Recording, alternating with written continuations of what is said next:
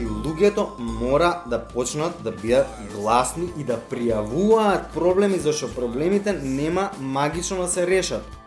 Добре, дојавте на подкастот Зборуваме реално. Денеска зборуваме реално со Бојан Шашевски. Бојан е новинар кој известува за Радио МОВ, пишува статии, прави интервјуа, покрива теми кои се од големо значење за нашето општество, а особено за оние сегменти кои се маргинализирани а, или кои не добиваат а, воопшто или доволно внимание од страна на традиционалните медиуми. Кога во некој села во Македонија рурални има децата со аутизам што се ги кријат уште по дома и не ги пуштаат со оригажињата. Тоа дете не постои. Со Бојан денеска конкретно разговараме за за темата аутизам, Бојан е родител на дете кој е на спектар на аутизмот, а оваа појава за многу луѓе во нашето општество а, не е доволно јасна. Ке дознаеме да повеќе, ке да дознаеме за предизвиците со кои се соочуваат родителите на деца со аутизам, а како е системот подготвен да да се погрижи за овие деца. Сите оние мои другари кои што меѓу себе си викаат е брат, ова е ретардиран. Е, ова е ретардиран. Збираш? Кој ништо не ти секогаш кога го кажуваш тоа го повредуваш моето дете да и другите деца ги повредуваш. Тоа треба, за тоа го пишав и тоа треба да го знаат.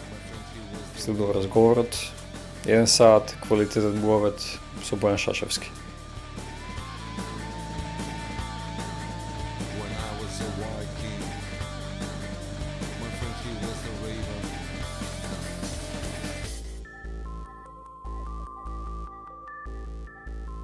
Здраво Мартин, убаво што што ме викна да збориме за темата бидејќи е многу врло важна, многу амбитна тема, која што јас почнав да ја откривам за жал од како го добив проблемот од како од како нели дознавме дека има аутизам и тогаш почнав да истражувам темата. Претходно знаев само на ниво на медиуми, на ниво на состојба дека постои на ниво на пријатели кои имаат деца со аутизам А, ме праша, еве ќе ти кажам пред за себе, ќе се навратиме на тоа. Новинар сум во Радио МОВ, мојот новинарски пат почна во утрински ветници негде 2009 или 2010 почетокот.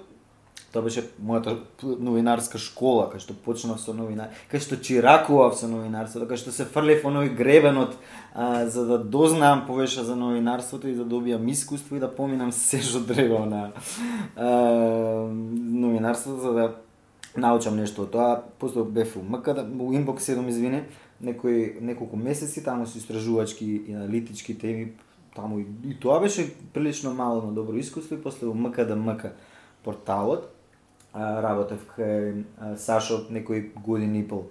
Две и потоа сакав малце во младински еден би рекол медиум кој што се повеќе се занимава со активизам, со образование, со животна средина, со проблем меѓу другото и на маргинализирани и ранливи категории лица кои што се нели а, за жал се уште се меѓу нив и децата и лицата со аутизам. Како како, што... како ти одговара тоа твојата инволвираност во медиум што е посветен на на младите се про, се пронајде добро во тоа и, и чувствуваш дека дека има импакт, дека се информираат младите. Апсолутно. Јас э, почнав да ме меле она оној дел од медиумски медиумскиот сектор каде што идеш на прес, следиш прес конференции, следиш што рекол министерот, што рекол министерката, што рекле двете најголеми партии, па имаш сукоби тука меѓу нив э, соопштенија, знам дека се зезавме што Сашо еднаш кога објавивме вест каде што направи СДСМ ВМРО 10-9 у сообщение денеска. Значи одиш у собствен абсурд и таа машинерија толку ствара од тебе а, циник стануваш, буквално циник стануваш за себе и за околината, знаеш, затоа што гледаш сите работи што се случуваат на околината. И више ми дојде преку глава со тој. Барав некој медиум каде што ќе биде отворен, искрен, а, а, медиум кај што крчка уште, каде што не, каде што секогаш се случува нешто ново, каде што има идеи, не значи дека тие идеи ќе се реализираат секогаш, но се случуваат идеи. Ми требаше таа енергија нова, отвореност ми теја, ми се допаѓаше Радио Мов, тоа бив понуда радиумов. Радио Мов. заинтересирана ми рекоа дека колешка таму не работи, пријави се на, на, на конкурсот, за разговарав и ми кажав мојата отвореност дека сакам да работам тука, зашто сакам да работам тука и така. Ми, ми се допаѓаше тој младешки електрицитет што што владееше во во, во Радио Мов и уште владее. А, тоа е екипа млада, дел искусна, дел неискусна, ама е тотално отворена за проблем. Тотално се зезаме, тотално гласно разговараме и дискутираме за проблемите, за секакви проблеми, меѓу другото и за проблеми што ги гледаме на улица, што проблеми што ги запознаваме наоколу, проблеми и со права на на лица кои што а, се во фокус. Го гледам тоа тоа што го кажете доведува во а, во абсурд а, работењето во а, класичен традиционален медиум, токму поради таа дихо, дихотомија, а, таа подвоеност на помеѓу политичките партии.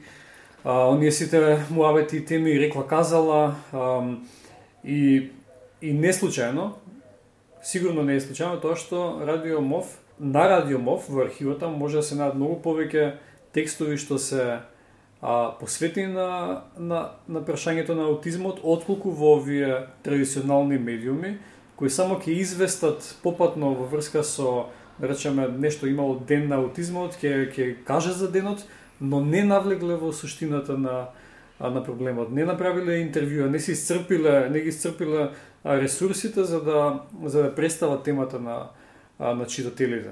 Тоа го правиш ти, тоа го правите вие. Mm, Да, го правиме затоа што гледа, Радио МОВ секогаш бил блиску до граѓанскиот сектор, до невладините организации, до а, иницијативите, било да е тоа иницијатива за воздух, за иницијатива, не знам, лупам за семејно насилство, лицата со нетипичен разлог, односно лицата со попреченост, како сакаш да кажете ги. И тоа ми било мене убавото, затоа што јас и кога што сум работел и утренски вестник, МКДМК, јас сум сакал сека да бидам на улица, доле на улица да се запознаам со луѓе, да муавец, жарот да го осетам.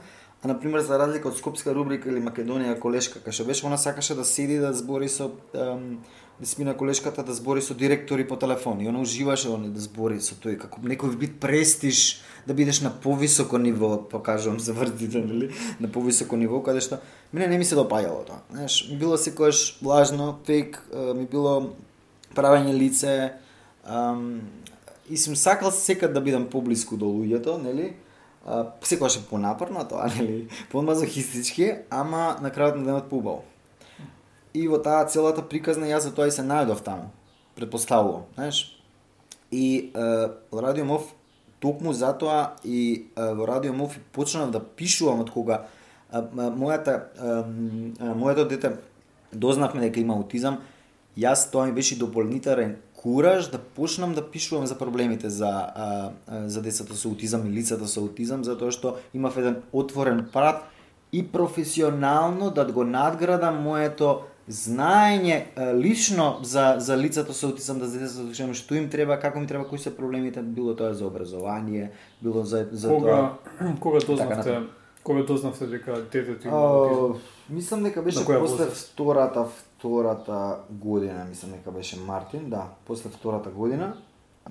Правевме неколку ги диагнози затоа што имаше проблеми со, значи ака да почнеме вака. Ора, сакам само да те прашам, односно да да се задржам малце во Да, да. а, на оваа линија а, за, за секој оној што не знае Да. како се манифестира М, аутизмот, односно спектрумот на аутизам. Те молам и информиране. Да. Значи вака, ќе бидам да попластичен ќе ќе пробам да бидам. Значи аутизмот е невролошко нарушување. Значи не е болест. Не е нешто што се лечи. Тоа е состојба која што може трае обично до крајот на животот. Состојба која што во текот на раната возраст од да речеме од 2-3 години до 5-6 години е најубаво да се третира со третмани логопедски, дефектолошки, а, психолошки третмани, со, со други третмани, со работа, со многу работа, за да невроните, затоа што е нели невролошко, а, тогаш се најфлексибилни, најфлексибилни и можат до некој степен да дојдат, дај да речеме да се поправат. А, иако не се поправа тоа, е туку е нели состојба. Е сега, За тие што не знаат, значи аутистите, односно оние лицата што сите се во спектрумот на аутизмот, а има огромен спектар, значи тоа значи што е огромен, во превод значи дека има многу лица со многу различни состојби, имаат многу слични, ам, да речам, работи кои што им се повторуваат, како тикови, како ригидно однесување, повторувачки работи, повторуваат, они се како едно глувче затворено на кукичката, на како се вика што се врти, што се ја врти ностоп кукичката др. Барабан Барабанче, но што се врти, оне може со сати да се врти една иста работа, да се заглавуваат работи. Видовме дека повторува работи, на пример, коцките ги реди една по друга вака. Уред, на пример, една по линија се редат работите не знам, некои работи кои што идат, идат на прсти, на пример.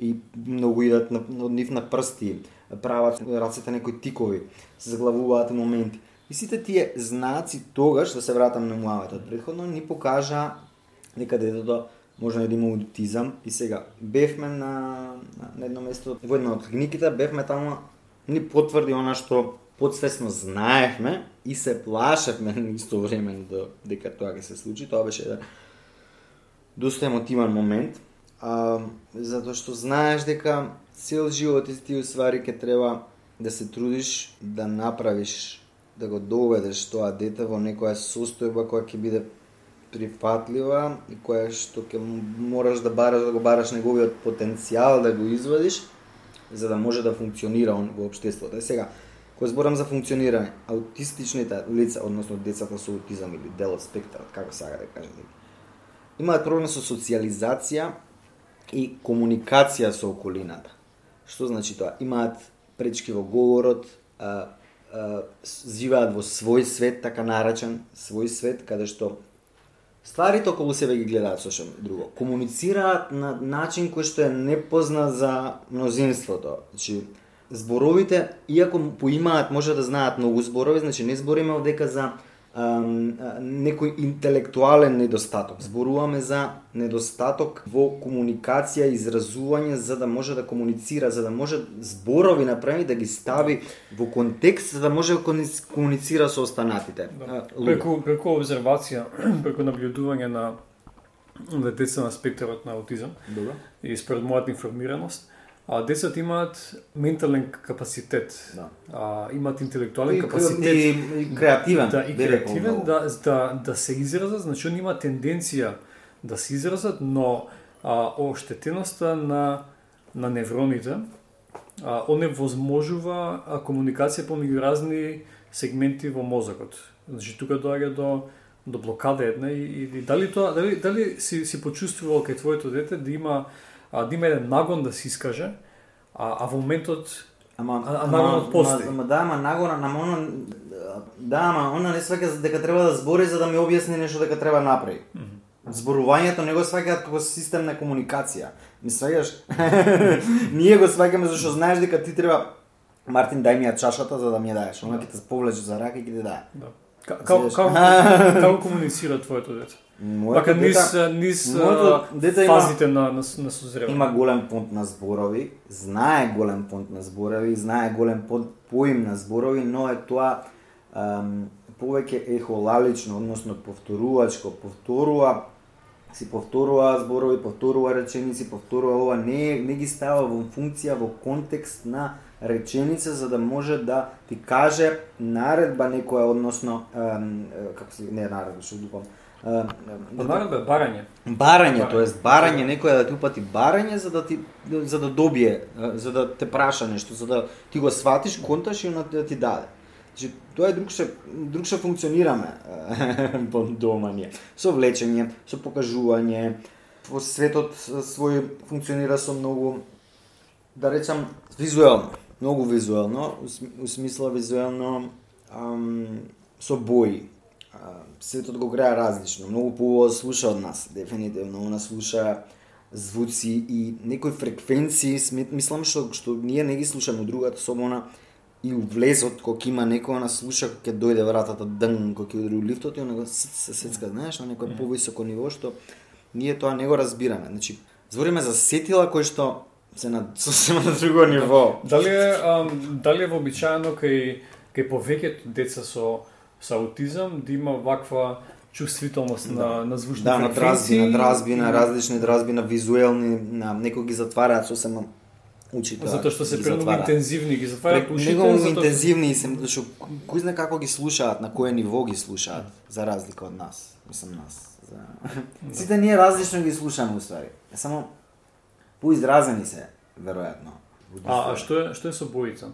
Дали да речеме дневната светлина или или или светлина од од, од телевизорот или од некој друг извор а, им, им пречи или па можеби им треба време да се да се навикнат на на светлината А, или тоа зависи од Сензорниот свет за нив е клучен во во решавање на состојбите некојаш. Затоа постојат сензорни соби каде што има десетици бои, секакви бои кои што ја потикнуваат а, нивниот развој го потикнуваат, кои што сензорни соби кои што почна еве да се внесуваат супер во нашите школи, подоцна ќе зборим mm -hmm. тоа. Сензорното потикнување не преку таа сензорна рекол, анимација би рекол како би ја рекол. Сензорната анимација што да- што добиваат ни ги потикнува нивниот потенцијал да може да функционира, да не се кочат во некои работи, за да може чк, да им направи да ги насочува кон работите што треба да ги прават, да ги насочува на она кон, ш- кон што сакаат самите да го прават, да можат да,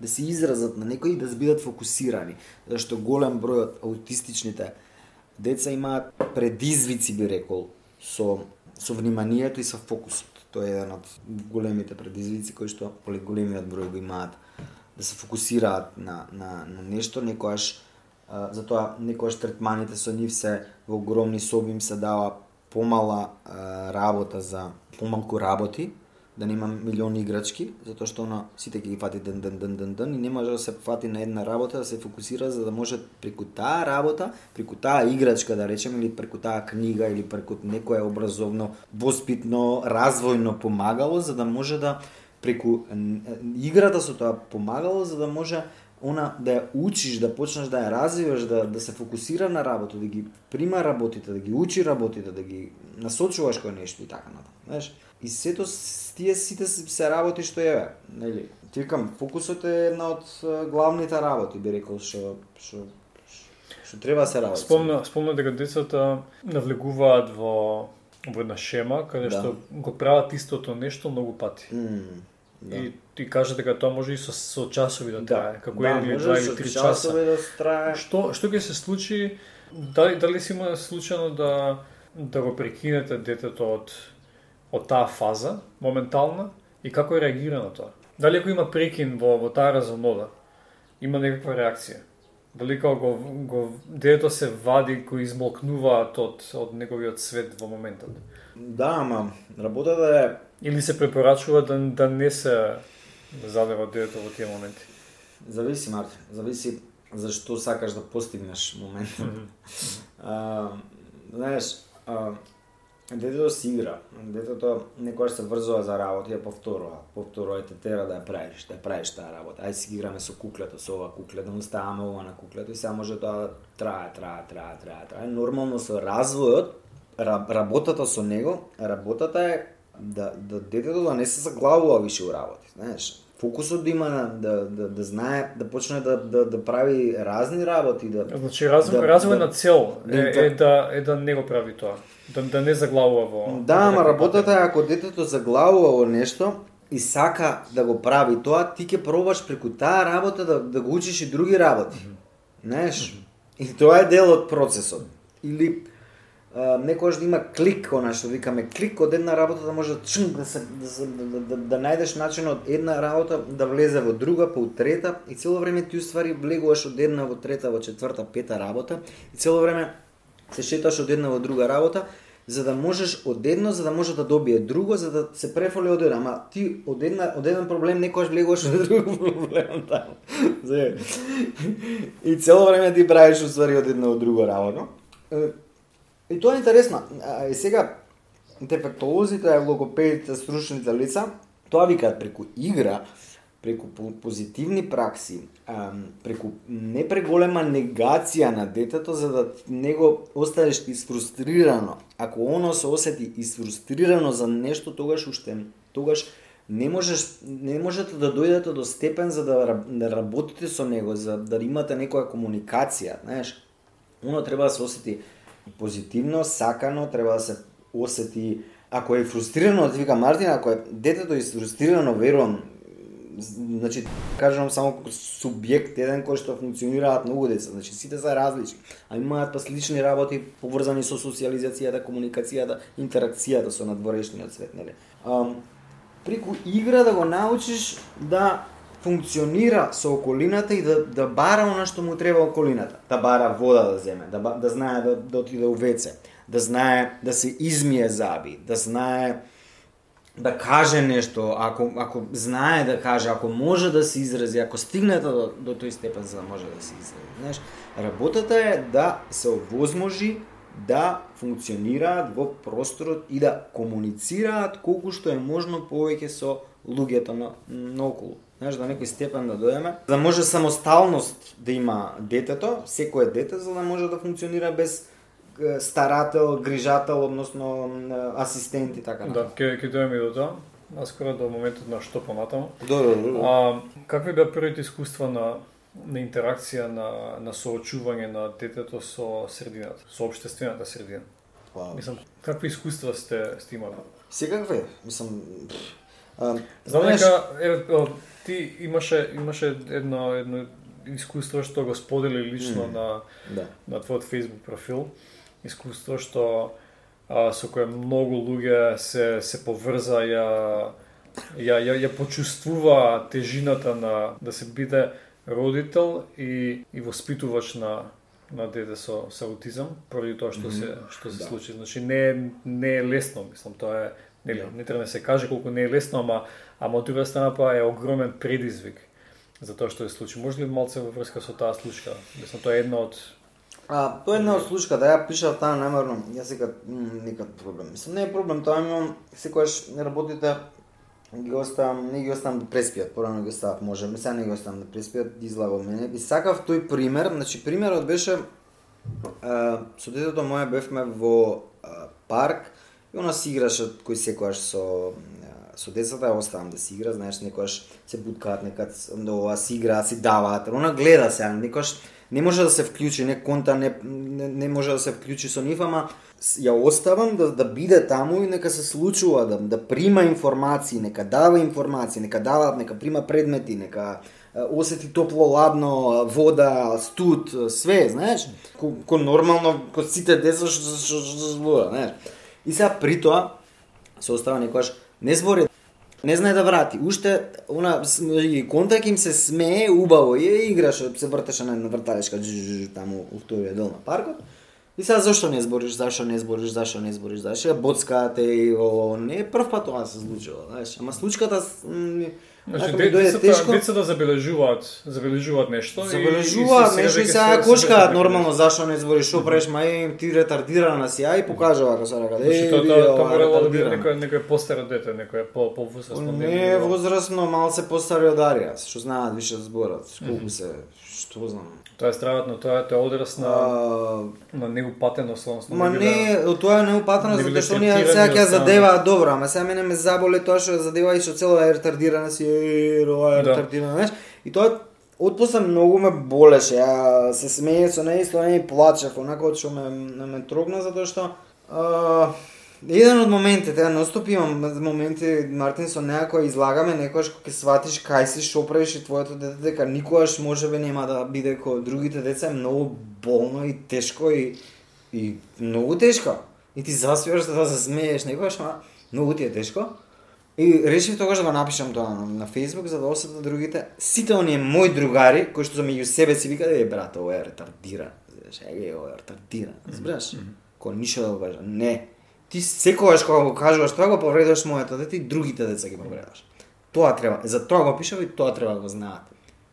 И сега родителите, не се само родителите прашање, и пријателите се, и другарите, и сите што не знаат дури на Facebook, со таква леснотија луѓето соседуваат да си пишуваат зборови, не знаејќи дека е тоа еден јавен простор. Еј, луѓе, Facebook не е паралелен свет. Вие не живеете во паралелен свет. А фа, Тоа е фактички, свет каде што се, секој се искажуваат, искаж, ам, А фактички се искажуваат како што размислуваат и во и во приватниот живот.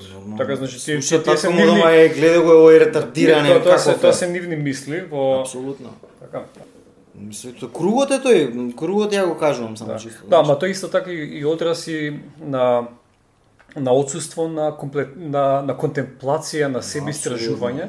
Ако ние знаеме дека тој збор е, е да кажеме, како се популарно, blanket, blanket statement, ако еден во наводници магичен збор кој можеш да го потребиш а, во однос на многу нешта, е така ти излегува наизуст, односно на луѓето им излегува така си се служат со тој збор, но не размислиле малку дека дека чекај тоа значи нешто за оние на кои се однесува најконкретно, тоа значи многу. Сега доаѓаме до моментот дека дека на нашето општество Да. му треба малку освежување на Освежување, на, на, на свесноста, проширување на Ама знаеш што свесноста. е работата? да Тука има еден друг проблем. сакам Се да гледа кажам. у сето тоа се гледа само пречката. Знаеш, работата со аутистичните деца особено е што многу се они креативни. И сега ти ја гледаш само неговата пречка, а не потенцијал. И тоа е нешто што луѓето ги прави лоши. Луѓето, ако почнат да ја гледат убавината, отвореноста, значи децата со аутизам летаат без пречки. Они нема, они летаат слободно. А Знаеш кажи ми, пред да пред да дојме до моментот на а, на на на свесност Добро. за а, кон аутизмот, да збориме за креативниот пот- потенцијал на децата. Така, се, секој дете си има Да. свој креативен потенцијал како homo sapiens, како човек, има има потреби, има нагон да да креира нешто, нешто раце да буде слика. А, како го манифестира тоа твоето твоето дете? моето дете многу црта. Значи многу што црта. Значи оно прима се од околината, има и црта многу, значи многу брзо црта, значи денеска има и технологија што го возможува тоа, значи таа технологија треба да се искористи апсолутно посебно за ам, за за нетип, деца со со нетипична развој. Како сакаш кажа нетипичен развој деца со посебни вештини или поинакви вештини. Денеска бев на една конференција каде што деца со попреченост се викаат затоа што у конвенцијата за заштита на лицата со попреченост седат лица со попреченост. А Кој сака? Ма како сакате да наречете ги? Ја ги викам со нетипичен развој, тоа ми е последно. Деца, деца, значи чисто вака да расчистиме, А- е то, дали дали твој дали тоа а, израз што ти го преферираш на Ја го преферирам, да, затоа што со попреченост ми е чудно. Затоа што сите ние имаме некоја попреченост. Да, се согласувам, да. Не, ш- знаеш, зашо таа попреченост да биде у негативен контекст да. некако ме свегаш да биде ставана да да биде со граничник подалувано од другите попречености на другите луѓе кои што имаат проблеми со со со, со не знам, со, со секакви проблеми не зборам попречености телесни, видливи што се, не зборам про- проблеми со однесување, со со дрога, со алкохол, со пцуење, со викање ретардиран на место каде што не треба да вика ретардиран. Тоа не е попреченост. попреченост. Па е, да. Но се што ти зборам. Да. И зашто по- вид на попреченост ја да се вика? Јас за тоа викам не треба попреченост да ја. Добро, значи деца со со нетипичен а, Развој или сега е последно каде што гледам дека во граѓанскиот сектор во ова се последно бидат и со деца со не посебни вештини, туку со поинакви вештини. И Да, тоа е да, нешто да, што последно го Да, слушам. а, мислам дека Затоа што сите пак она е ова е поврзано, извини што ќе прекинам. Ова е поврзано што ти го кажа со креативното она на моето дете што го има. Што моето дете сметам и други, затоа што сега го земам како субјект само пак ќе речам. Моето дете има огромен огромен потенцијал. Значи збориме потенцијал од цртање, од звуци слушање кој што кажа Фреско што не ги слушаат други, од бои гледање, од а, работи кои што можат да се искористат во некој контекст да се подобрат одредени ситуации, одредени луѓе, одредени а, професии, одредени фирми, од доредени дејности може да се подобрат. Ама после може да, да, да зборуваме. За Сега, сега да кажам дека детето мое, кога го ос, чувствуваш дека може тоа да го прави, Земи го искористи го тоа негде, знаеш. Стани дел, нека стане дел од себе, свати го што хајде условно речено недостасува, а што може да даде и тие двете работи ги спои ги на баланс направи и искористи го тоа за за за општествено добро, знаеш. А тоа е тоа, знаеш. Да, тоа, тоа е прашање на а, веќе прашање на политика, затоа што тоа многу зависи од од политиките на државата, од како институциите се позиционирани а, кон децата со а, нетипичен развој или децата со а, посебни вештини, Така? Така беше? Посебни, поинакви, ја, деца со, не- извини да со се- со поинакви. се допаѓа тоа поинакви. Ми се допаѓа со поинакви вештини. Мислам Да. дека да. А, значи, еве да вредно за време е да да начнеме и, и, и тој аспект на на, на темата, а тоа е а, како државата, како институциите се позиционирани во однос на а, родителите на деца со поинакви вештини, деца со а, нетипичен развој, а, и дали кои се кои се предизвиците во овој момент. А, како прво, еве, еве чисто вака да начнам, како прво а, во во Македонија нема а, нема регистар на на деца со а, што се на спектрумот на спектарот на аутизам и не знаеме колку колку е ефективниот број. Да. Така нели тоа од, односно еве знам дека Министерството за труд и социјална политика а, процес. има има некои има информации од разните центри што работат Центри со за социјална за работа, социјална работа, но тоа не е интегриран систем. Не, Така и не знаеме каков е системот, не знаеме колку е колку е функционален, какви информации се содржат, дали се дали се трасира а, развојот периодично на, на децата. Нели мислам се зависи од тоа еден добар интегриран систем. И не знаеме колку да, деца се со аутизам. Систем го вклучуваат сите. Институциите што се тие што треба да помогнат тој систем да се придвижи, да се придвижи и менталитетот и условите работни, образовни, социјални, секакви нели. Сам тоа е работа, нели. А за жал се работи еден еволуцијски пат, ја пак ќе речам, и ние сме дел од таа еволуција која што треба да поминеме многу години, треба да поминат неколку генерации за да може се ова клише и глуп муавет, ама кој ќе го сватиш тој муавет и дека динамиката ти само може да ја измениш на целиот тој процес, а работите дека треба да почнуваат со многу едукација, со многу кампањи, со многу закони кои што нема да останат само на хартија, туку ќе бидат имплементирани од тие што треба да ги Да, имплементираат. добро, зошто зошто мислиш дека мислам добро, знам зошто мислиш дека дека треба да поминат генерации за да Не генерации, да се сменат генерации него Не, ама треба да се помина со многу работа, затоа што гледа. Ти викаш дека нема регистар, така? Нема Да, регистар. Регистарот, ако ги собереме, како ќе го собереме, Мартин, регистарот кога што некој, еве у Скопје, пак знаеме што кога во некој села во Македонија рурални има децата со аутизам што се ги кријат уште по дома и не ги пуштаат со оригашињата. Тоа дете не постои. Да. Не сваѓаш? Постои само у дата база на а, дека е родено, има извод од матично ова. Тоа дете не постои. Значи, не е- како не е како евидентирано. не е евидентирано како како- дете со со аутизам. Тоа нема аутизам. И у таа населба ако стварно постојат деца што што се дел од спектрот 10, ти знаеш дека едно постои. И ти бараш регистар да формираш и според тој регистар бараш да, да, да, да формираш после образовни политики, социјални политики и секакви политики. Зашо збориме на овде, Мартин? Не сакаш да зборам? Да, Проблемот е многу подлабок од самото тоа што ќе се донесе закон. Луѓето Не, кога, треба- кога, кога велам, кога велам за кога зборувам за зборувам за промени во свеста, за легислативни промени, да, за да, системски да, промени, да. зборувам за све. Да.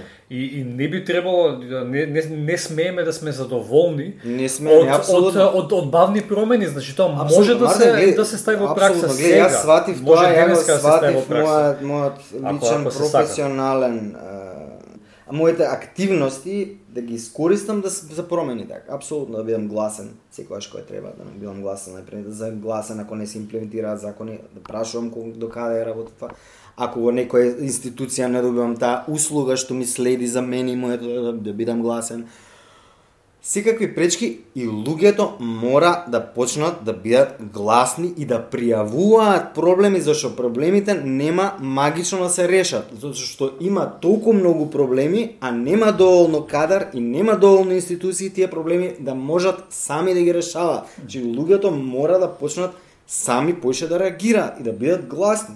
Знаеш, Да си ги бара своите права. Апсолутно, мислам тоа се подразбира, ама збориме, на збориме дека ако сакаме да го убрзаме тој процес, јас верувам дека сум оптимист, иако може делувам за многу работи како песимист, ама јас сватив дека мора тоа да се прави. Следеш, мора у одредени ситуации кога гледаш да критикуваш и свој пријател и свој роднина и свои луѓе во институција што работат, и свои новинари, и свои и така натаму. Значи, Да. збориме, мораме отворено за некои работи, да, збориме А, онак, да ги збориме онакви како што се е. Знаеш, и тоа е тоа. Втори, 2 април е, е ден на как како правилно да го да го фразираме ова е ден, Ден на, на, аутизмот го викаат, Ден на светскиот ден на аутизмот. аутизмот, ама е ден на на кревање на поддрж- кревање на свеста за, за кревање на да. свеста, за поддршка на лицата со аутизам, спектарот и така. Да, дали дали ова само уште еден проформа а, таков ден а, во, во наше општество или има конкретни не зборам за организациите и Мгм. за родителите, за значи за таа зедница а, од интерес на, на деца со аутизам, туку зборам за за институциите, зборам за медиумите, дали се посветуваат а, а, стати или програми на телевизија а, по повод овој ден? Што што мислам дали дали Да, да, речем премиерот излегол да каже многу- нешто, дали или некој од министрите? Да, излагаат они за тој ден да кажат. Аха, аха. Ама што ако кажат само за тој ден? Значи тоа, значи тоа тоа допира до некои луѓе, Значи, ама допира, ама тоа е декларативно и сега ние остануваме на декларативно дека ние како влада се грижиме за за лицата со аутизам, сега пример давам и за нивна интеграција во општеството, за инклузивно образование, да, да, да, да, да, да, да, да, да, да. Ма тие зборови ништо не ни значат на нас родителица. Тоа се тоа се само зборови. Ма шо, шо, Да. мислам, Зна, знаеш како јас јас го замислувам ова да речеме еве, ден ден на на деца со аутизам или ден на лица со Да. со аутизам, ја го замислувам како некој лице што држи јавна функција, Да. а, да зборува од емпатија, од чувства да зборува, да им се обрати на луѓето што а, ги немаат овие потешкоти, овие предизвици, за да може тие луѓе да се доближат поблиску до луѓето што ги има тие а, проблеми и предизвици, а, со цел да може да се да дојдеме до поголема инклузија. Да можеме да дојдеме до поголемо, пофункционално општество за поголем број на луѓе. Значи, јас тоа го замислам како е било кој премиер, министер, а, лице на функција, на јавна функција, Да. да им се обрати на, на луѓето и, и да побара од нив, да апелира за будност, за внимание, за да се информираат, да речем посетете го сајтот на на, на Министерството за здравство или Министерството за труд и социјална политика посветен на аутизмот. Има ли такво, такво нешто? Имаме ли инфографика да што а, може еден еден цивил да се информира во врска со или па не, не цивил, него да кажеме граѓанин, мислам на Има сајтови на- на- на наставници, главно на- здруженијата го водат таа работа. Сега добро министерството а, за образование почна некои измени кои што почна да ги прави Министерството за труд и социјална политика, мислам тие измени. Тие работи се случуваат, ама се се случуваат премногу бавно, прости, прости причини кои што ги спомнав и предходно, затоа што треба на луѓето имаат свои нак, нај, навики поимања за работите и околината и, и, и неинформираност има голема со што паралелно треба да тие процеси сметам на едукација и на луѓето Државата- и на функционирање на институции. државата одвои а, ако ако сум точен 60 или 59 милиони денари Да. за за деца За образовна асистенција. За образовна асистенција. Тоа се однесува на 2020-2021. Значи вака, образовна асистенција, малце дел. Мгм, да. Со законот за а, а, со законот за основно образование имаше измени кои што со мене според мене ги поздравувам, но има некои работи и внатре кои што не знаеме како ќе се функционираат и може би се префорсирани, ама тоа ќе одам понатаму, значи секогаш има добри и лоши страни на муаветот. А, значи, образовни асистенти.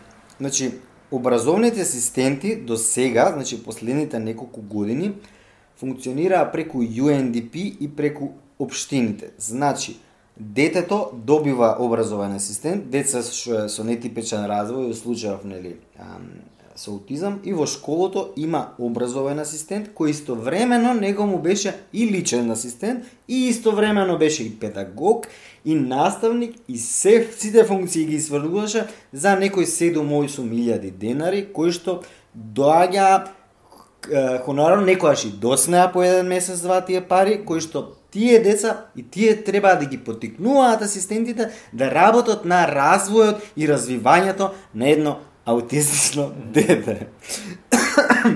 е, сега тоа оваа година, значи, требаше да се смени, тоа се најавите, односно, се воведува, како што ам, милуваат од Министерството за образование да нарече се введува системска образовна асистенција, тоа што значи? Дека ам, асистентите ќе бидат плаќани од државниот буџет, значи поголем буџет ќе има за нивни плати, што е супер како поттик за да бидат поодговорни и повеќе да си ја сакаат работата и за да може да нели за е, за да мислам што им следува, треба да им следува нормално пари за таа работа, со таа љубов, ентузијазам и што што го вложуваат во тоа дете, нели. И сега, до кај стигна? А, стигнав со образовна асистенција. Значи, работата е измени, тоа се измени се што ги кажам во законот за основно образование. Е сега, образовните асистенти ќе бидат посебно одличните. Значи, треба да бидат посебно одличните. Образовен асистент е за образовниот дел на, на детето. Личен асистент е за е, личните физиолошки потреби, потреби надвор од, од училиштето и така натаму и да. Тие се подвоени. Значи, треба да бидат одвоени. Значи, како секоја земја што сака да, да, да, да, да се каже себе си дека дошла до некој стадиум на развој кај што помага и врши а, интеграција на обште, во обштеството на овие лица. А, е сега, значи, е сега, образовните асистенти, проблемот со мене, што, што настана при, при овој закон, е тоа што се доцти. Значи, децата со аутизам требаше првен имаше се формираше нова нова, нова комисија, порано се викаа комисија за проценка, сега се викаат специјална, сега не знам, специјална служба за функционална проценка на Мислам дека меѓународна класификација на да, функционирање. Да, ма тоа, МКФ. ма тоа се вика МКФ по тој систем, по таа програма работа. Значи, службата работи по МКФ. Е сега, тоа е меѓународно призната програма, еме да речеме така, по пластично да го речеме. Е сега, оваа служба работи по таа програма, по МКФ, значи функционалната е, за функционална проценка на деца, работи по МКФ службата и тоа е една меѓународна призната програма која што а, има всадено во себе а, конвенциите а, а, за, за правата на лица со попреченост, почит кон нивните права и така натаму и така натаму и така натаму. А, за да ги нели за да ги внесе во општеството и повеќе да се гледаат нивните вештини, потенцијали околу попреченост на нивна, нели. Што да више застаруваме, сега одиме напред, као се сето тоа. Е, работата е што сега се доси. Значи, идејата беше, децата со аутизам одат таму, се прави таа проценка, се прави таа проценка, после таа проценка документот иде до школото, од школото оди до а, до школите специјалните училишта и од специјалните училишта ги а, после бараат на, на оглас, бараат а, оглас за како се вика за образовни асистенти го даваат областите, на образот се пријавуваат образовни асистенти кои што треба да идат за за деца. Е сега, специјално училиште спомнав. Значи специјални училишта има како Златен Сременска година. Специјалните училишта од оваа година ќе ќе почнат да го менуваат статутот. Нема да постојат специјални виши училишта. Значи тие ќе станат училишта со ресурсен центар. Значи статутот правно, како се вика формално правно, тоа ќе го сменат и они нема да под. Они уште 3-4 години значи школи како Златен Сремац ќе почнат ќе ги прими таа генерација што више почнала, ќе ќе ќе ги прими и они нема да постојат. Значи они ќе бидат само ресурсен центар каде што ќе даваат знаење, материјали, а, образовни помагала, искуство, програми од странство ќе носат искуства, ќе соработуваат еве сега гледам и со УНИЦЕФ за имплементирање на едукација, предавање на дефектолози, односно специјални едукатори и наставници за да може да си ја вршат работата. Сега тоа е една голема слика замислена, значи системот, крајна за замисла е да нема специјални и не специјални, нормални ненормални, или како сакаш во училишта, нели, затоа што тоа е стереотип еден кој што ствара ретардираност. Да, да. И, и ги двои, и ги двои децата. Идејата е, значи благородна е таа идеја, супер идеја, е да се внесат сите да учат заедно у основно училиште, сите тоа- заедно, меѓусебно да учат Така, заедно. така. Тоа, тоа значи дека ресурсните центри ќе бидат се места каде што а, децата ќе може да идат да добијат посебно внимание и и да а, да бидат предмет на на овие а, програми, а, посебни програми што Значи, се се... идејата е, А, а во текот на, на, на редовното образование, значи посетуваат одделенска заедно со настава, сите заедно заедно, со, со, заедно со други останати да. Па сега зависи системот на МКФ, службата по МКФ е да речеме, МКФ ние си ја викаме.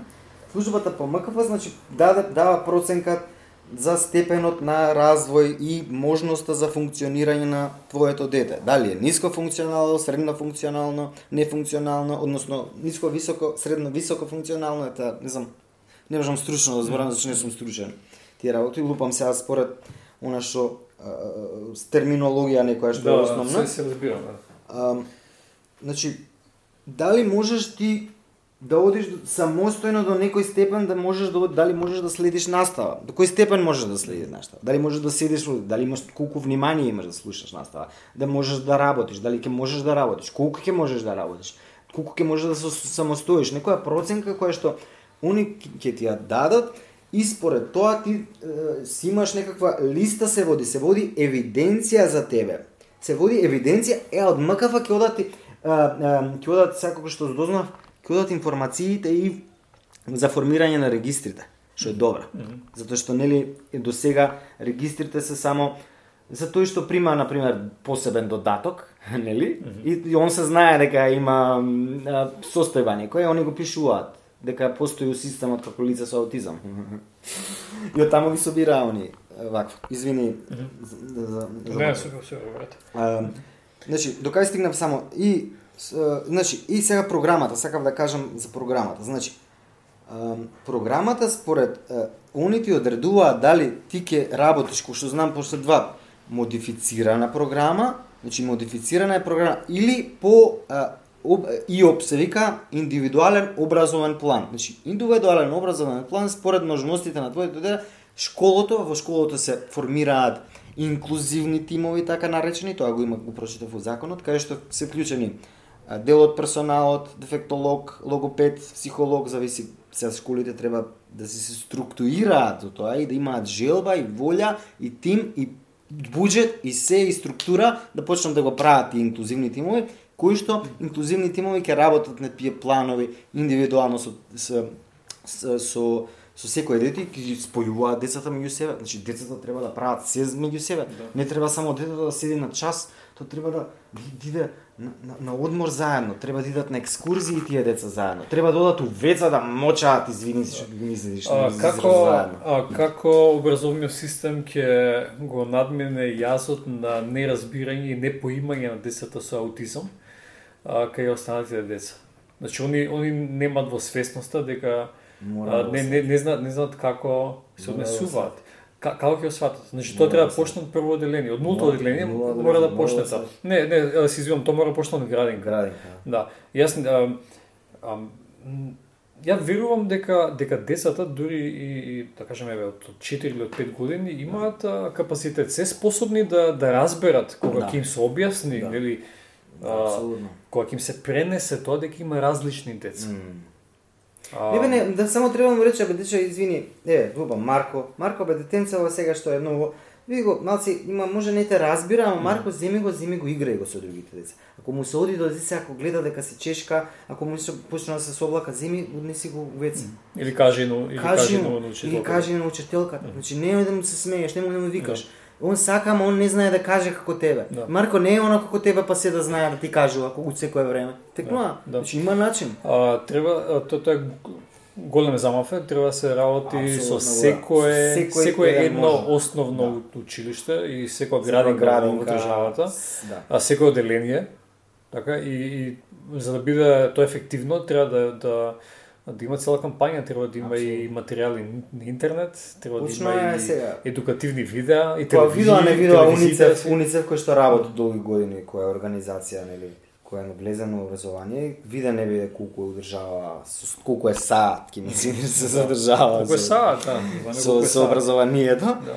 И сега оно помага за у април, мислам дека ми кажа дека у април почнале а, со едукација и предходните години имаше, ама сега интензивна едукација на наставници и ам, специјални едукатори, значи дефектолози. Порано што беа дефектолози, сега не ги викаат дефектолози, зашто дефектно више Да, не да. постои тој збор. Да. Мислам и подобро нека си го зборат луѓето на себе, ама со само дефектолог кога ќе кажеш нешто дефектно е, не е уред. Да има конотации, има конотации Специ- што сакаме да ги менуваме. Да, да. Мислам сега може премногу звучи тоа NGO-вско на на на на, на, на вака на на на израз на полуда, ама работата е ти ја кажав зашо е проблемот, зашто се работи за деца кои што треба да учат и кои треба, да ги прифатат тие деца. Сегаш преска при- примерот со ретардираноста, Да, од кај потекнува заради тие работи ја сакам да тука да да, да припазувам на тие моменти.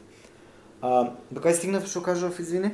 А зборавме за за ширење на свест, А. на свеста кај деца во Кај децата, кај децата и, и паралелно со децата и со родителите у градинка. Значи тие у градинка што работат негувателки како се викаат, мора да сватат дека мора заедно тие. Сега не знам, не може да не знаеш, ќе научиш човече. Тешко е, тешко е, што не е тешко. Да, на нив верувам дека не им е лесно, дека нема да им биде лесно, Нема да затоа им е што лесно, зашто да им биде лесно? Затоа што е а, Ама не- зашто на детето, на родителите да им биде тешко, а Да. на тебе да ти биде лесно? Да, да. Зашто? Да, само само навестувам дека дека ќе има дека ќе има фрикција, ќе има ќе има Ќе има судири, ќе има судири сукоби, ќе има секако, ама тоа е нормално. И тоа е нормално, да. Ам, но тоа чисто ја илустрира големината на големината на прашањето, М. на, на проблемот, на ситуацијата. Да. Значи мора заедно да се избориме за Да. тоа, мора општеството а, ништо поголема информираност и, и вложен заеднички обид а, кон се тоа што ни престои.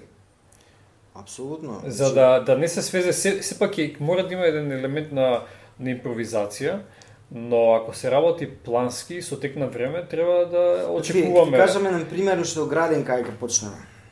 Кај почнеме со градин кај зашто таму почнува нели основното, примарното, нултото или предпримарното како се сакаш го образование за децата и социализација. Значи не е само таму гр- грижалник или а, само децата го остиш таму едукација, се добива социализација, први на играње и така натаму. Значи не може инклузија водиме у градинки и имаш ти реонски се поделени таму, значи има специјален едукатор, логопед, психолог и они тие неколку се задолжени за неколку градини у реон. И они треба да да ги поминат сите тие градинки неделно и на сите деца да им да, им да, да, ги, да го следат развојот на тоа дете, да им помогнат у развојот и едукацијата. Тоа е невозможно. Он ќе се појави еднаш неделно саат време у таа градинка за да таму некоја графа, у некој лист добие еден штикла, на штиклека, јас сум била таму и готово, и Да, готово. се е супер, Завршена работа. завршена работа, а истовремено детето каска у развојот. Сегаш, каква е таа, каков е тој начин, тоа е лажење, седиш лажен дека си ја завршил работата, а уствари детето на, на тие родители останува на ист степен на развој и ти му викаш да добива твоето дете услуга од нас. Ја добива услугата и супер е твоето дете. И супер е за развива и правиме работа сам се засмеам од Да, да, самиот абсурд на ситуацијата. Ти викам ситуации кои што родителите со со со децата со аутизам секојдневно ги добива. Или па а, у градинка негователката не знае што да прави, ќе му го даде телефонот. Ќе му пушти YouTube, ќе му пушти нешто друго, игра и со она се справила со ситуацијата. Она е мирно битно. Мирно да не вика.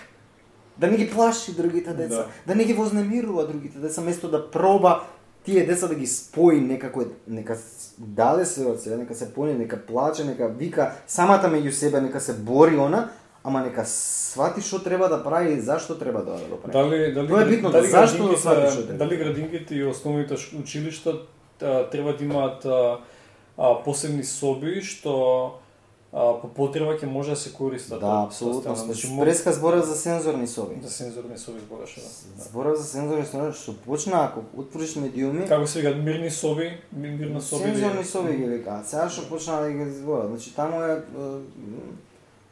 им се развиваат, е, знаеш, тие се потребни, преска зборев, зашто се потребни? Потребни се за развива да ги стимулираш децата да прават работи. Значи, сетилата нивни ги стимулираш визуелно, ги стимулираш, ги фокусираш, ги работиш на фокусот работиш, адаптибилни стануваат на, на светот околу себе, и така натаму, и така натаму, и така натаму. Значи, работата е ти уште сите школи да имаш такви сензори. Сите да се изградат. Сега почна, еве сега министерија кај нас градоначалниците одат у, школа до школа и сликање има сето тоа. Океј. Мислам не- они што се сликаат, тоа е неизбежно. е, добро. пиарот е составен дел. Знаеш, ама работата е да ги има. Да ги има, мора да ги има Мартин, затоа што еве у една школа, ако детето не се чувствува на час дека не може да седи долно и нема внимание да го седи целиот час, образовниот асистент, тоест наставничката, што образовните асистенти сега не треба да бидат чуватели на децата, туку помош на наставникот. Наставникот е нас наставник. Он ја има го има, го има последниот збор да каже и он се грижи за децата. Они се само поддршка, а не наставниците да се поддршка на образовните се чуватели на децата. Тоа да го забораваме.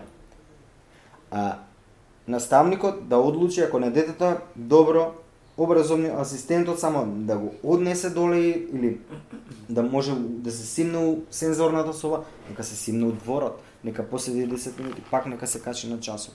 Нека се симне после нека ги спои кои ќе има мал одмор и голем одмор, нека се спојат заедно да чинат, знаеш. Нека пробаат да прават нешто заедно. Нека сватат сите дека е дека тоа ќе го прават секој ден цел живот. Значи, наставничката таа треба да свати со да легнува и да станува со тоа помисла дека тоа, она, јас немам друг избор и мора за доброто на сите да, да научам, ќе се мачам, тешко ќе ми биде, ама па зашо да им биде тешко на родителите пиеве? Зашо товарот на нив да им биде? Ме сваќаш ти Да, да, да. Ам, потребен е влог. Многу И е од- огромен и од влог, од сите. родителите, и од Од наставничките, и од, Од и од самите деца. Значи, ја ти викам, потребен е влог затоа што денеска има родители, на пример, и родители, не само тешко, родители што- од, од, од родители се случува еве особено по мали градови, родни места.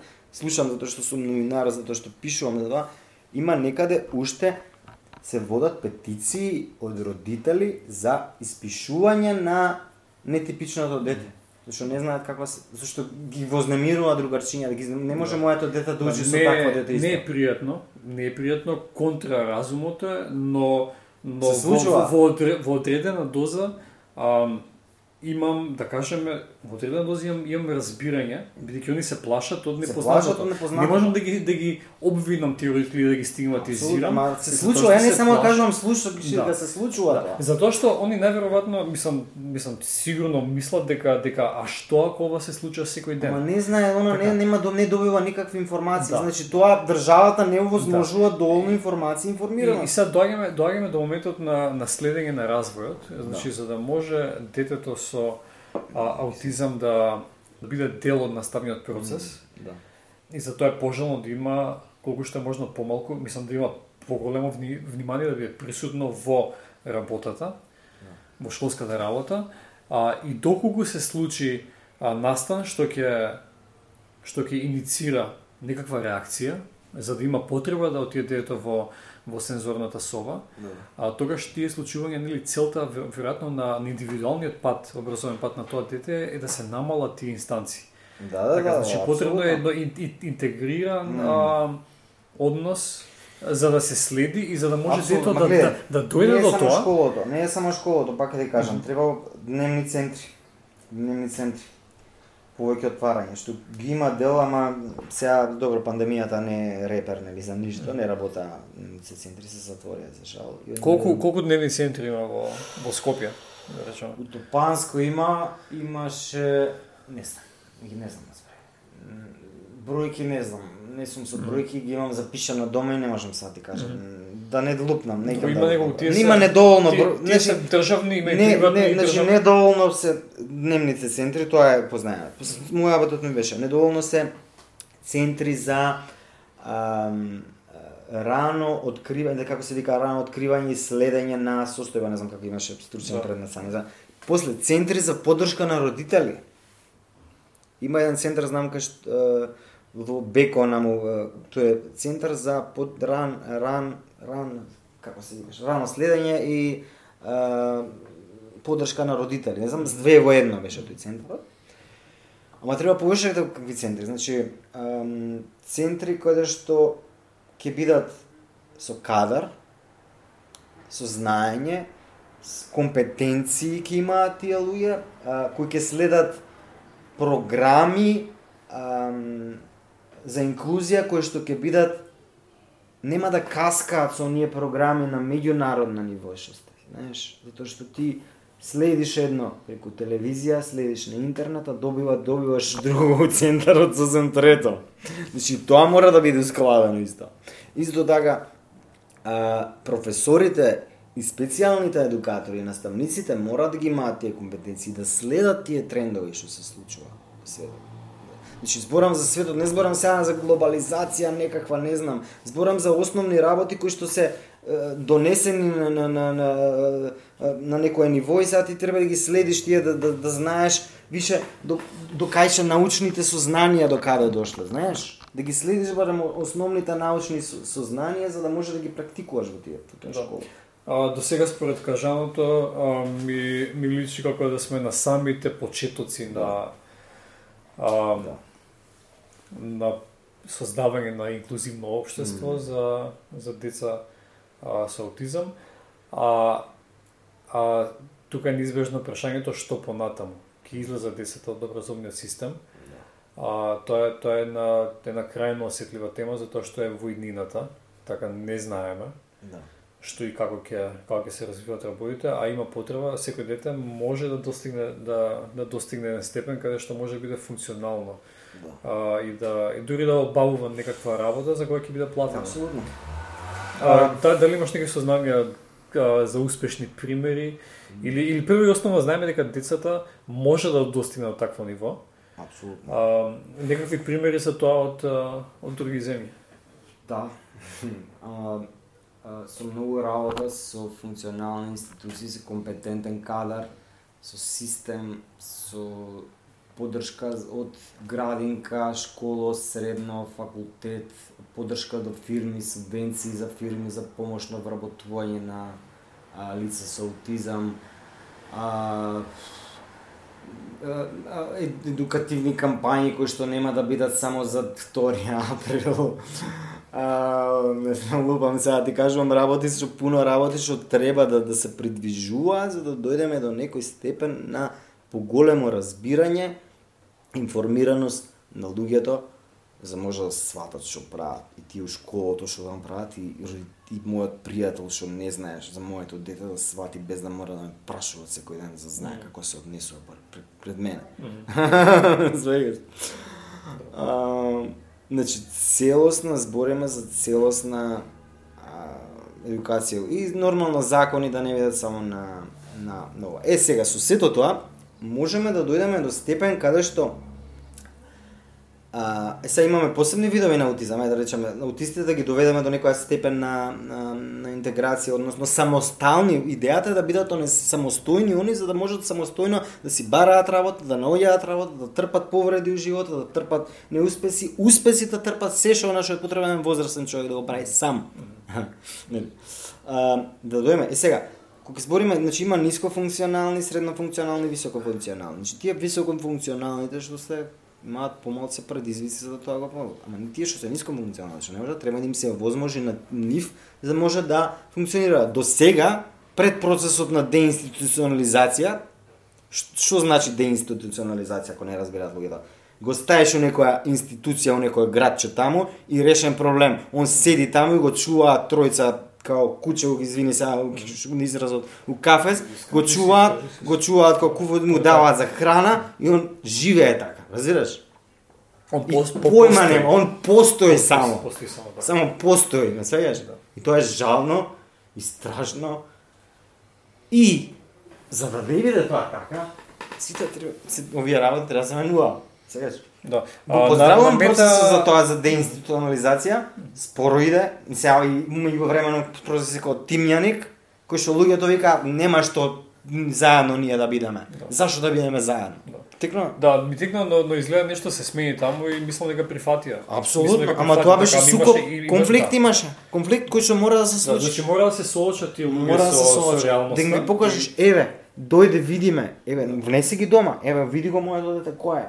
Види го моето дете кој е, како с- кој е, еве го моето дете, тоа е тоа е.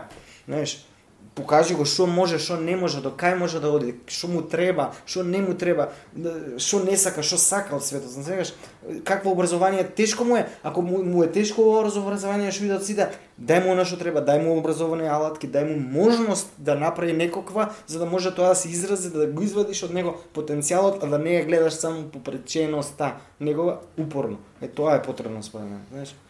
Што е за потоа да може да се вработи. Има такви примери, ти ме праша за примери, јас забегав од други Да. работи. Да.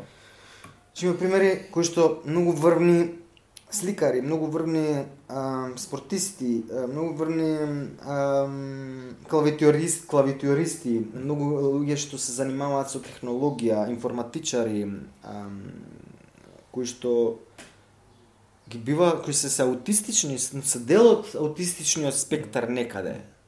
А, види, имаше еден професор кој што викаше да сите ние сме аутистични од 1 до 100 и ти зависи на која ниво си и од кој и од колку имаш желба, можност и поттик од општеството да се кренеш процентуално на таа скала.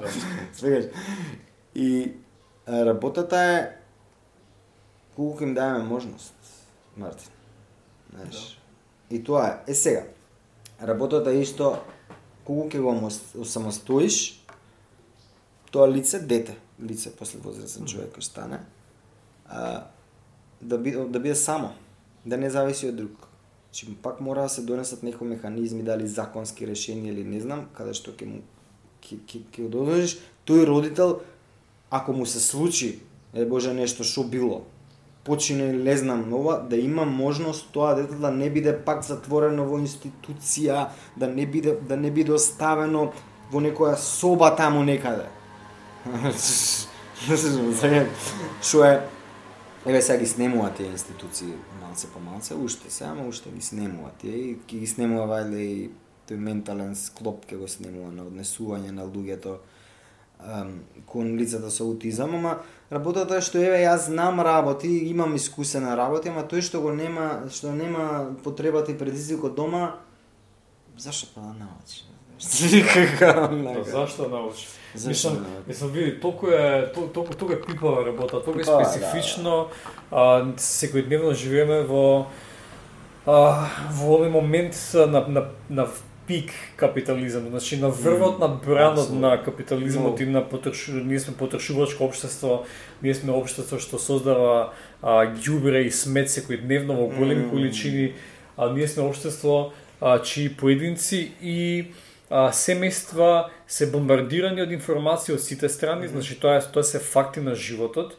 И, и тука, нели, следствено на тоа прашањето како зашто човек не не само не само зашто се замара, туку туку кога да се замара. Значи треба свесно да биде тоа. Свесно да Односно знаеш треба се да ако ако ни да избегале дадеш. неколку генерации во текот на образовниот процес, бидејќи не сме реагира, ги- не сме реагирале а, брзо како општество а, и како држава, тогаш да не ни избега следните генерации, значи да си го фатат редот за да да ги коригираме сите овие грешки, да не мора возрастен човек од 30 години а, некој да го едуцира да знае што да, да поима што е И како се однесуваш, аутизам што и, да и, и да како прави, да и да. како се однесува и како да речеме можеби тој А, човек ќе биде работодавец еден ден или па или па колега. работата- Значи треба да да да овозможи средина и простор сите ние што ќе се најдеме во таа во таа ситуација да овозможиме М, да може а- некој да да се приклучи. Апсолутно, ама да, да еве збориме за работодавци, значи мора и бизнис секторот да свати да го свати како можност тоа, знаеш. Не, не, не знам, а сватив имаше еднаш сега а, бев на на која не знам конференција следев една на Public што е Public за дружениво што е за одржив развој. Збореа некој компанија што им помага на фирмите да внесат лица со нетипичен развој, со да ги убедат. Фирмите зашто им требаат такви Да, лица. И почнале така и после ги почнувале да ги убедат за бенефитите дека е добро тоа, дека им личи дека дека нема да им создава тоа проблеми нив да ги спрече во фирмата, дека туку дека тоа и до ниво на пиарот ќе им го зголеми во општеството дека они примаат такви лица, дека се они добри, дека се општествено одговорни, дека се не свеѓаш што да Да, зборам, да, дека да, има да. начини тој дел да се смени. Што се случи? Мислам исходот од тоа. Исходот да- е да дека они се да- имаат проширено многу, не знам како се вика, ако сакаш после ова ги да ги побарам. Они се прошириле, ама ја кажаат својата приказна дека со многу предизвици се, се, се, се нашле со тоа, да ги убедат работодавците дека треба да примаат различни лица со ем, ем, со нетипичен развој. Е, со, дека нивните поинакви вештини дека ќе ќе им донесат е, бенефити на фирмата во ваков или таков начин. Некој што знае електрика да работи што е цело време по електрика леле се врзува само за електричар, електричар, некои се врзуваат само за електричар, некои бројки, букви, бројки, букви, бројки, букви само цело време се врзани за бројки, букви. Дај му нешто да работи за бројки, букви. И он туку ќе биде обседнат со бројки и букви, што тоа ќе си го свати толку сериозно и ќе го прави Да, толку да, сериозно. да, Да, да. сега што да зборам. Да, или да си- сите сите оние а Или ако некој сака да црта, дај му го да црта. У галерија дај му човече да црта. Дај му галеријата. Он, он секој ден ќе ја прави галеријата да биде интересно Да, место за од- доаѓање. очигледно за е, очигледно е дека има дека дека се- има примена на редење, да речеме Апсолутно. по подредување на контроли. Дај му да подредува, да подредува се да биде цеком паком Да. у, фирмата. Да. Тоа е посебна позиција. Зашо да не отвориш нова позиција Зашто, зашто не таква? отвориш нова позиција? Зашто? Апсолутно. Значи збориме овдека за поимањето за идните фирми, идните работодавци. И што треба да биде потикнувано од, од некако од државата на ваков или таков начин, не знам, за да можат фирмите да го својот делокруг на работа да го зголемат, скроз да бидат от, отворени Да. за, за, за, за инклузија, за, за интеграција, еве да речеме, како Да, сакаш да. наречи го на телици. Најди нови позиции, бе, зашо да не креираме нови позиции? Разбираш? Сега, сега, моју фирмата ќе дојдат, ема, овој дојде сега, ќе ми работи мојата работа, знаеш? Да бе, ама тој може да, да, да потикне некои работи што па ти што не може да ги направиш, бе? Зашо да а, да потикнам зашо да биде туку цакам паком, а зашо он може да го направи тоа цакам пакам, паком да паком да биде, знаеш? Нека црта, нека пишува, нека знаеш, потенцијалот, пак збориме за тоа потенцијал. Значи вештината која што ја има тоа лице да ја искористиш во контекст на некаков бенефит за твојата фирма, министерство, работа, училиште, што и да е. Фирма, организација за што. Да. А, Бојан, ти, ти благодарам многу за, за разговорот. Благодарам и за тебе. Можеме уште два сати да збориме за теми, ама тоа е тоа. Убаво што што ги отвараш и продолжува да ги отвориш вакви Да, теми, сакам- тоа. Тоа, е целта. Сакам, тоа е целта на овој подкаст. Сакам да а, за крај а, од значи наспреди се тоа, дали имаш некоја желба во врска со ова што го зборуваме? Еве да речеме јас имам желба. Мојата желба е а, што поголем број на луѓе да бидат свесни за аутизмот, како се манифестира и што треба ние да направиме, што би можеле да направиме за да за да за да придонесеме во општеството да биде поинклузивно. Тоа е тоа е мојата желба. Каква желба имаш ти? Истата е таа мојата желба. Викам само треба многу работа, многу трпение, многу волја, многу волја за едукација да има и разбирање меѓу сите. Сега ова се као некои флоскули што ги кажувам, разбираш? Ама работата е процесот. Ја пак викам еволуциски пат. е. Знаеш, еволуцијски долг пат, многу чекори, многу борба, многу карање, многу расправи, многу солзи од кои што ќе излезе смеа некое разбирање. Сегаш, ја така го сваѓам. Значи многу борба треба на сите полиња онака борба, видиш, и разбирање на сите поле. Од детски игралишта, кај што децата си играат и кај што настануваат тие моменти, кај што кажам, па до влез у институции внатре, они меѓу себе да почнат да, да прават работи кои што ќе се за добро за, сите, да не биде тоа кампањско, не знам какво делување. Да, знаеш што, пред пред да, да завршиме, сакам да се навратам на еден момент. А, мислам дека е добро да го Го спомнавме, јас да само да го спомнам, само не ги спомнав, извини, ќе кажам Да. медиумите, многу се важни од тука медиумите. Само да ќе ти кажам зашто се важни. Медиумите да во своето известување да не биде тоа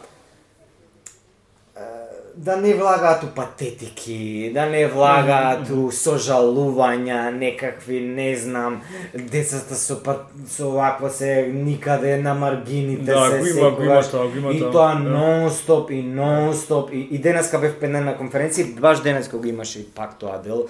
Збориме за за за за, за организација Да, значи да прескокнете го тоа, дојдете Да, до, до луѓе, поентата, доста до више, главните доста поенти, луѓе, да можеме доста да се разбереме. доста блаво, доста Да, со. да, да. Значи, збориме, ајде малце да тргнеме с похрабро малце луѓе, знаеш, и ние почнавме со таков дел муавето, ама стигнавме на степен кој што дознавме што до што треба да стигнеме за тоа ниво, да го Да. достигнеме, Да, знаеш. па види, може би, мислам, а, се иницираме во темава преку емпатија. Значи Апсолутно. потребно да имаме емпатија другите да имат емпатија да се иницират, ама та, тоа е а, една оскошна таска за да, Да. можеме да стигнеме до до И победните би ги- поенти. Да, Така. и би ги под, под, освен патетиките да ги заобиколуваат а, ваквото, би ги замолил колегите и сите медиуми да известуваат за лични поише приказни, значи бројки, што што колку имало ваму, колку центри имало, колку деца со аутизам, да, тие се потребни за формирање на образовни, социјални и така натаму политики државата што ќе ги користи за да направи планови, стратегии, акцијски планови и така натаму. Но, збориме дека за, за, за, за работи практични, значи ако нема приказна, ако нема лична приказна, ако нема лице, тоа лице, не да го замаглуваш, зашто да го замаглуваш тоа лице? Зашто го замаглуваш? Јас се чудам. Некој има лице, значи тоа не е проблем, тоа е лице, тоа е секој ден е исто од нас што Да, се мислам дека да нема, каже. нема, не, нема поента да се, да се обидуваат медиумите да ги заштитат гледачите од непријатни моменти, да треба да се соочат со Значи, непријатните моменти. Значи, Уна, мене Со ако тоа што не ми да бара родител, Ептен не ми бара родител, добро, ќе го респектирам, Да, нема да го да. замаглам се, нема да имам контрародител, ќе го ќе го респектирам и нема. Ма вака зашто да ги замаглам лицата на децата со Да, со да. Ш- луѓе, 21 век сме и 2021 година сме. Зараза ли е тоа? Шо е? Да. Се- Да. А, тоа што сакам да го кажам, а, ќе го претворам во е, ќе претворам во желба. Во втората на желба сакам да кажам дека а, дека децата а, младите тинеџерите, децата од да кажем од, од прво до осмо деление, а, забележам дека се дека се многу избувливи. Мислам дали не сите, ама постои една избувливост а, и тоа може да се забележи кога ќе застанеш до а, школско игралиште и колку лесно само излегуваат, излетуваат а, пцовки. Мајки, шајки, сестри, навреди и така натаму. Значи, овдека, овдека имаме едно имаме прашање на а, прашање на емотивна интелигенција. Емотивна И на- основна Да, за, затоа што ако, ако, ако толку, елементарна едукација збориме да, мати. ако толку за лесно, ако толку лесно ти доаѓа, ако толку лесно ти му доаѓа на едно дете, тоа дете учи и од и од општеството, и од родителите дома, и од филмови и така натаму, значи ако учи ам, ако то, толку лесно се учи такво а, такво однесување, ако се реплицира помеѓу децата, се односно се се помножува тоа однесување, а тогаш ше јас се прашам каде е наставникот по физичко да, да интервенира или па да им одржи на лекција.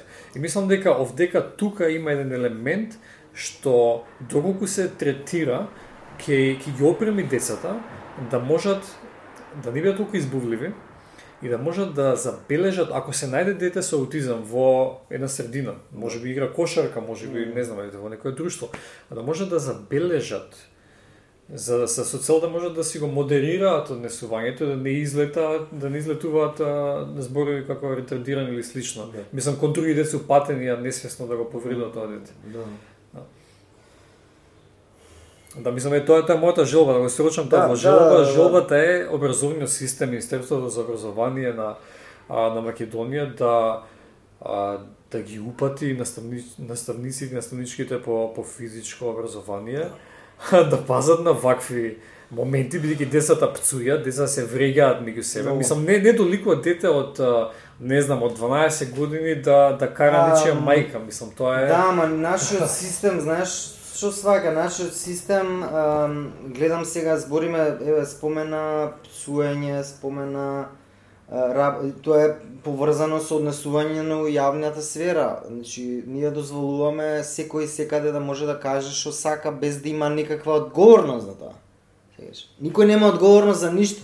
Која почиња нели со донесувачите на одлуки и тоа следи до најмали нози, до најмали работи кои што се пренесуваат во јавен простор, од фрлање чубре во јавен простор, цуење во јавен простор, од недолично однесување во јавен, од демолирање во јавен простор, од јавство во јавен простор и тоа е еден круг кој што според мене мора да се действува и со санкции. Не може, ние не сме одреден степен на развој ко еде ќе лежам клишето Германија или Шведска, па за да донесуваме закони кои што се ќе бидат како Германија и Шведска. Не, ние имаме одреден степен на менталитет и развој кој што мора да го сузбиеме со одредени казни, со одредени работи кои што ќе бидат ќе се адаптираат, односно нема да пресликуваме работи, туку ќе може само да ги гледаме како таму се прават, но ќе ги имплементираме според наши услови. Да. Според мене е тоа.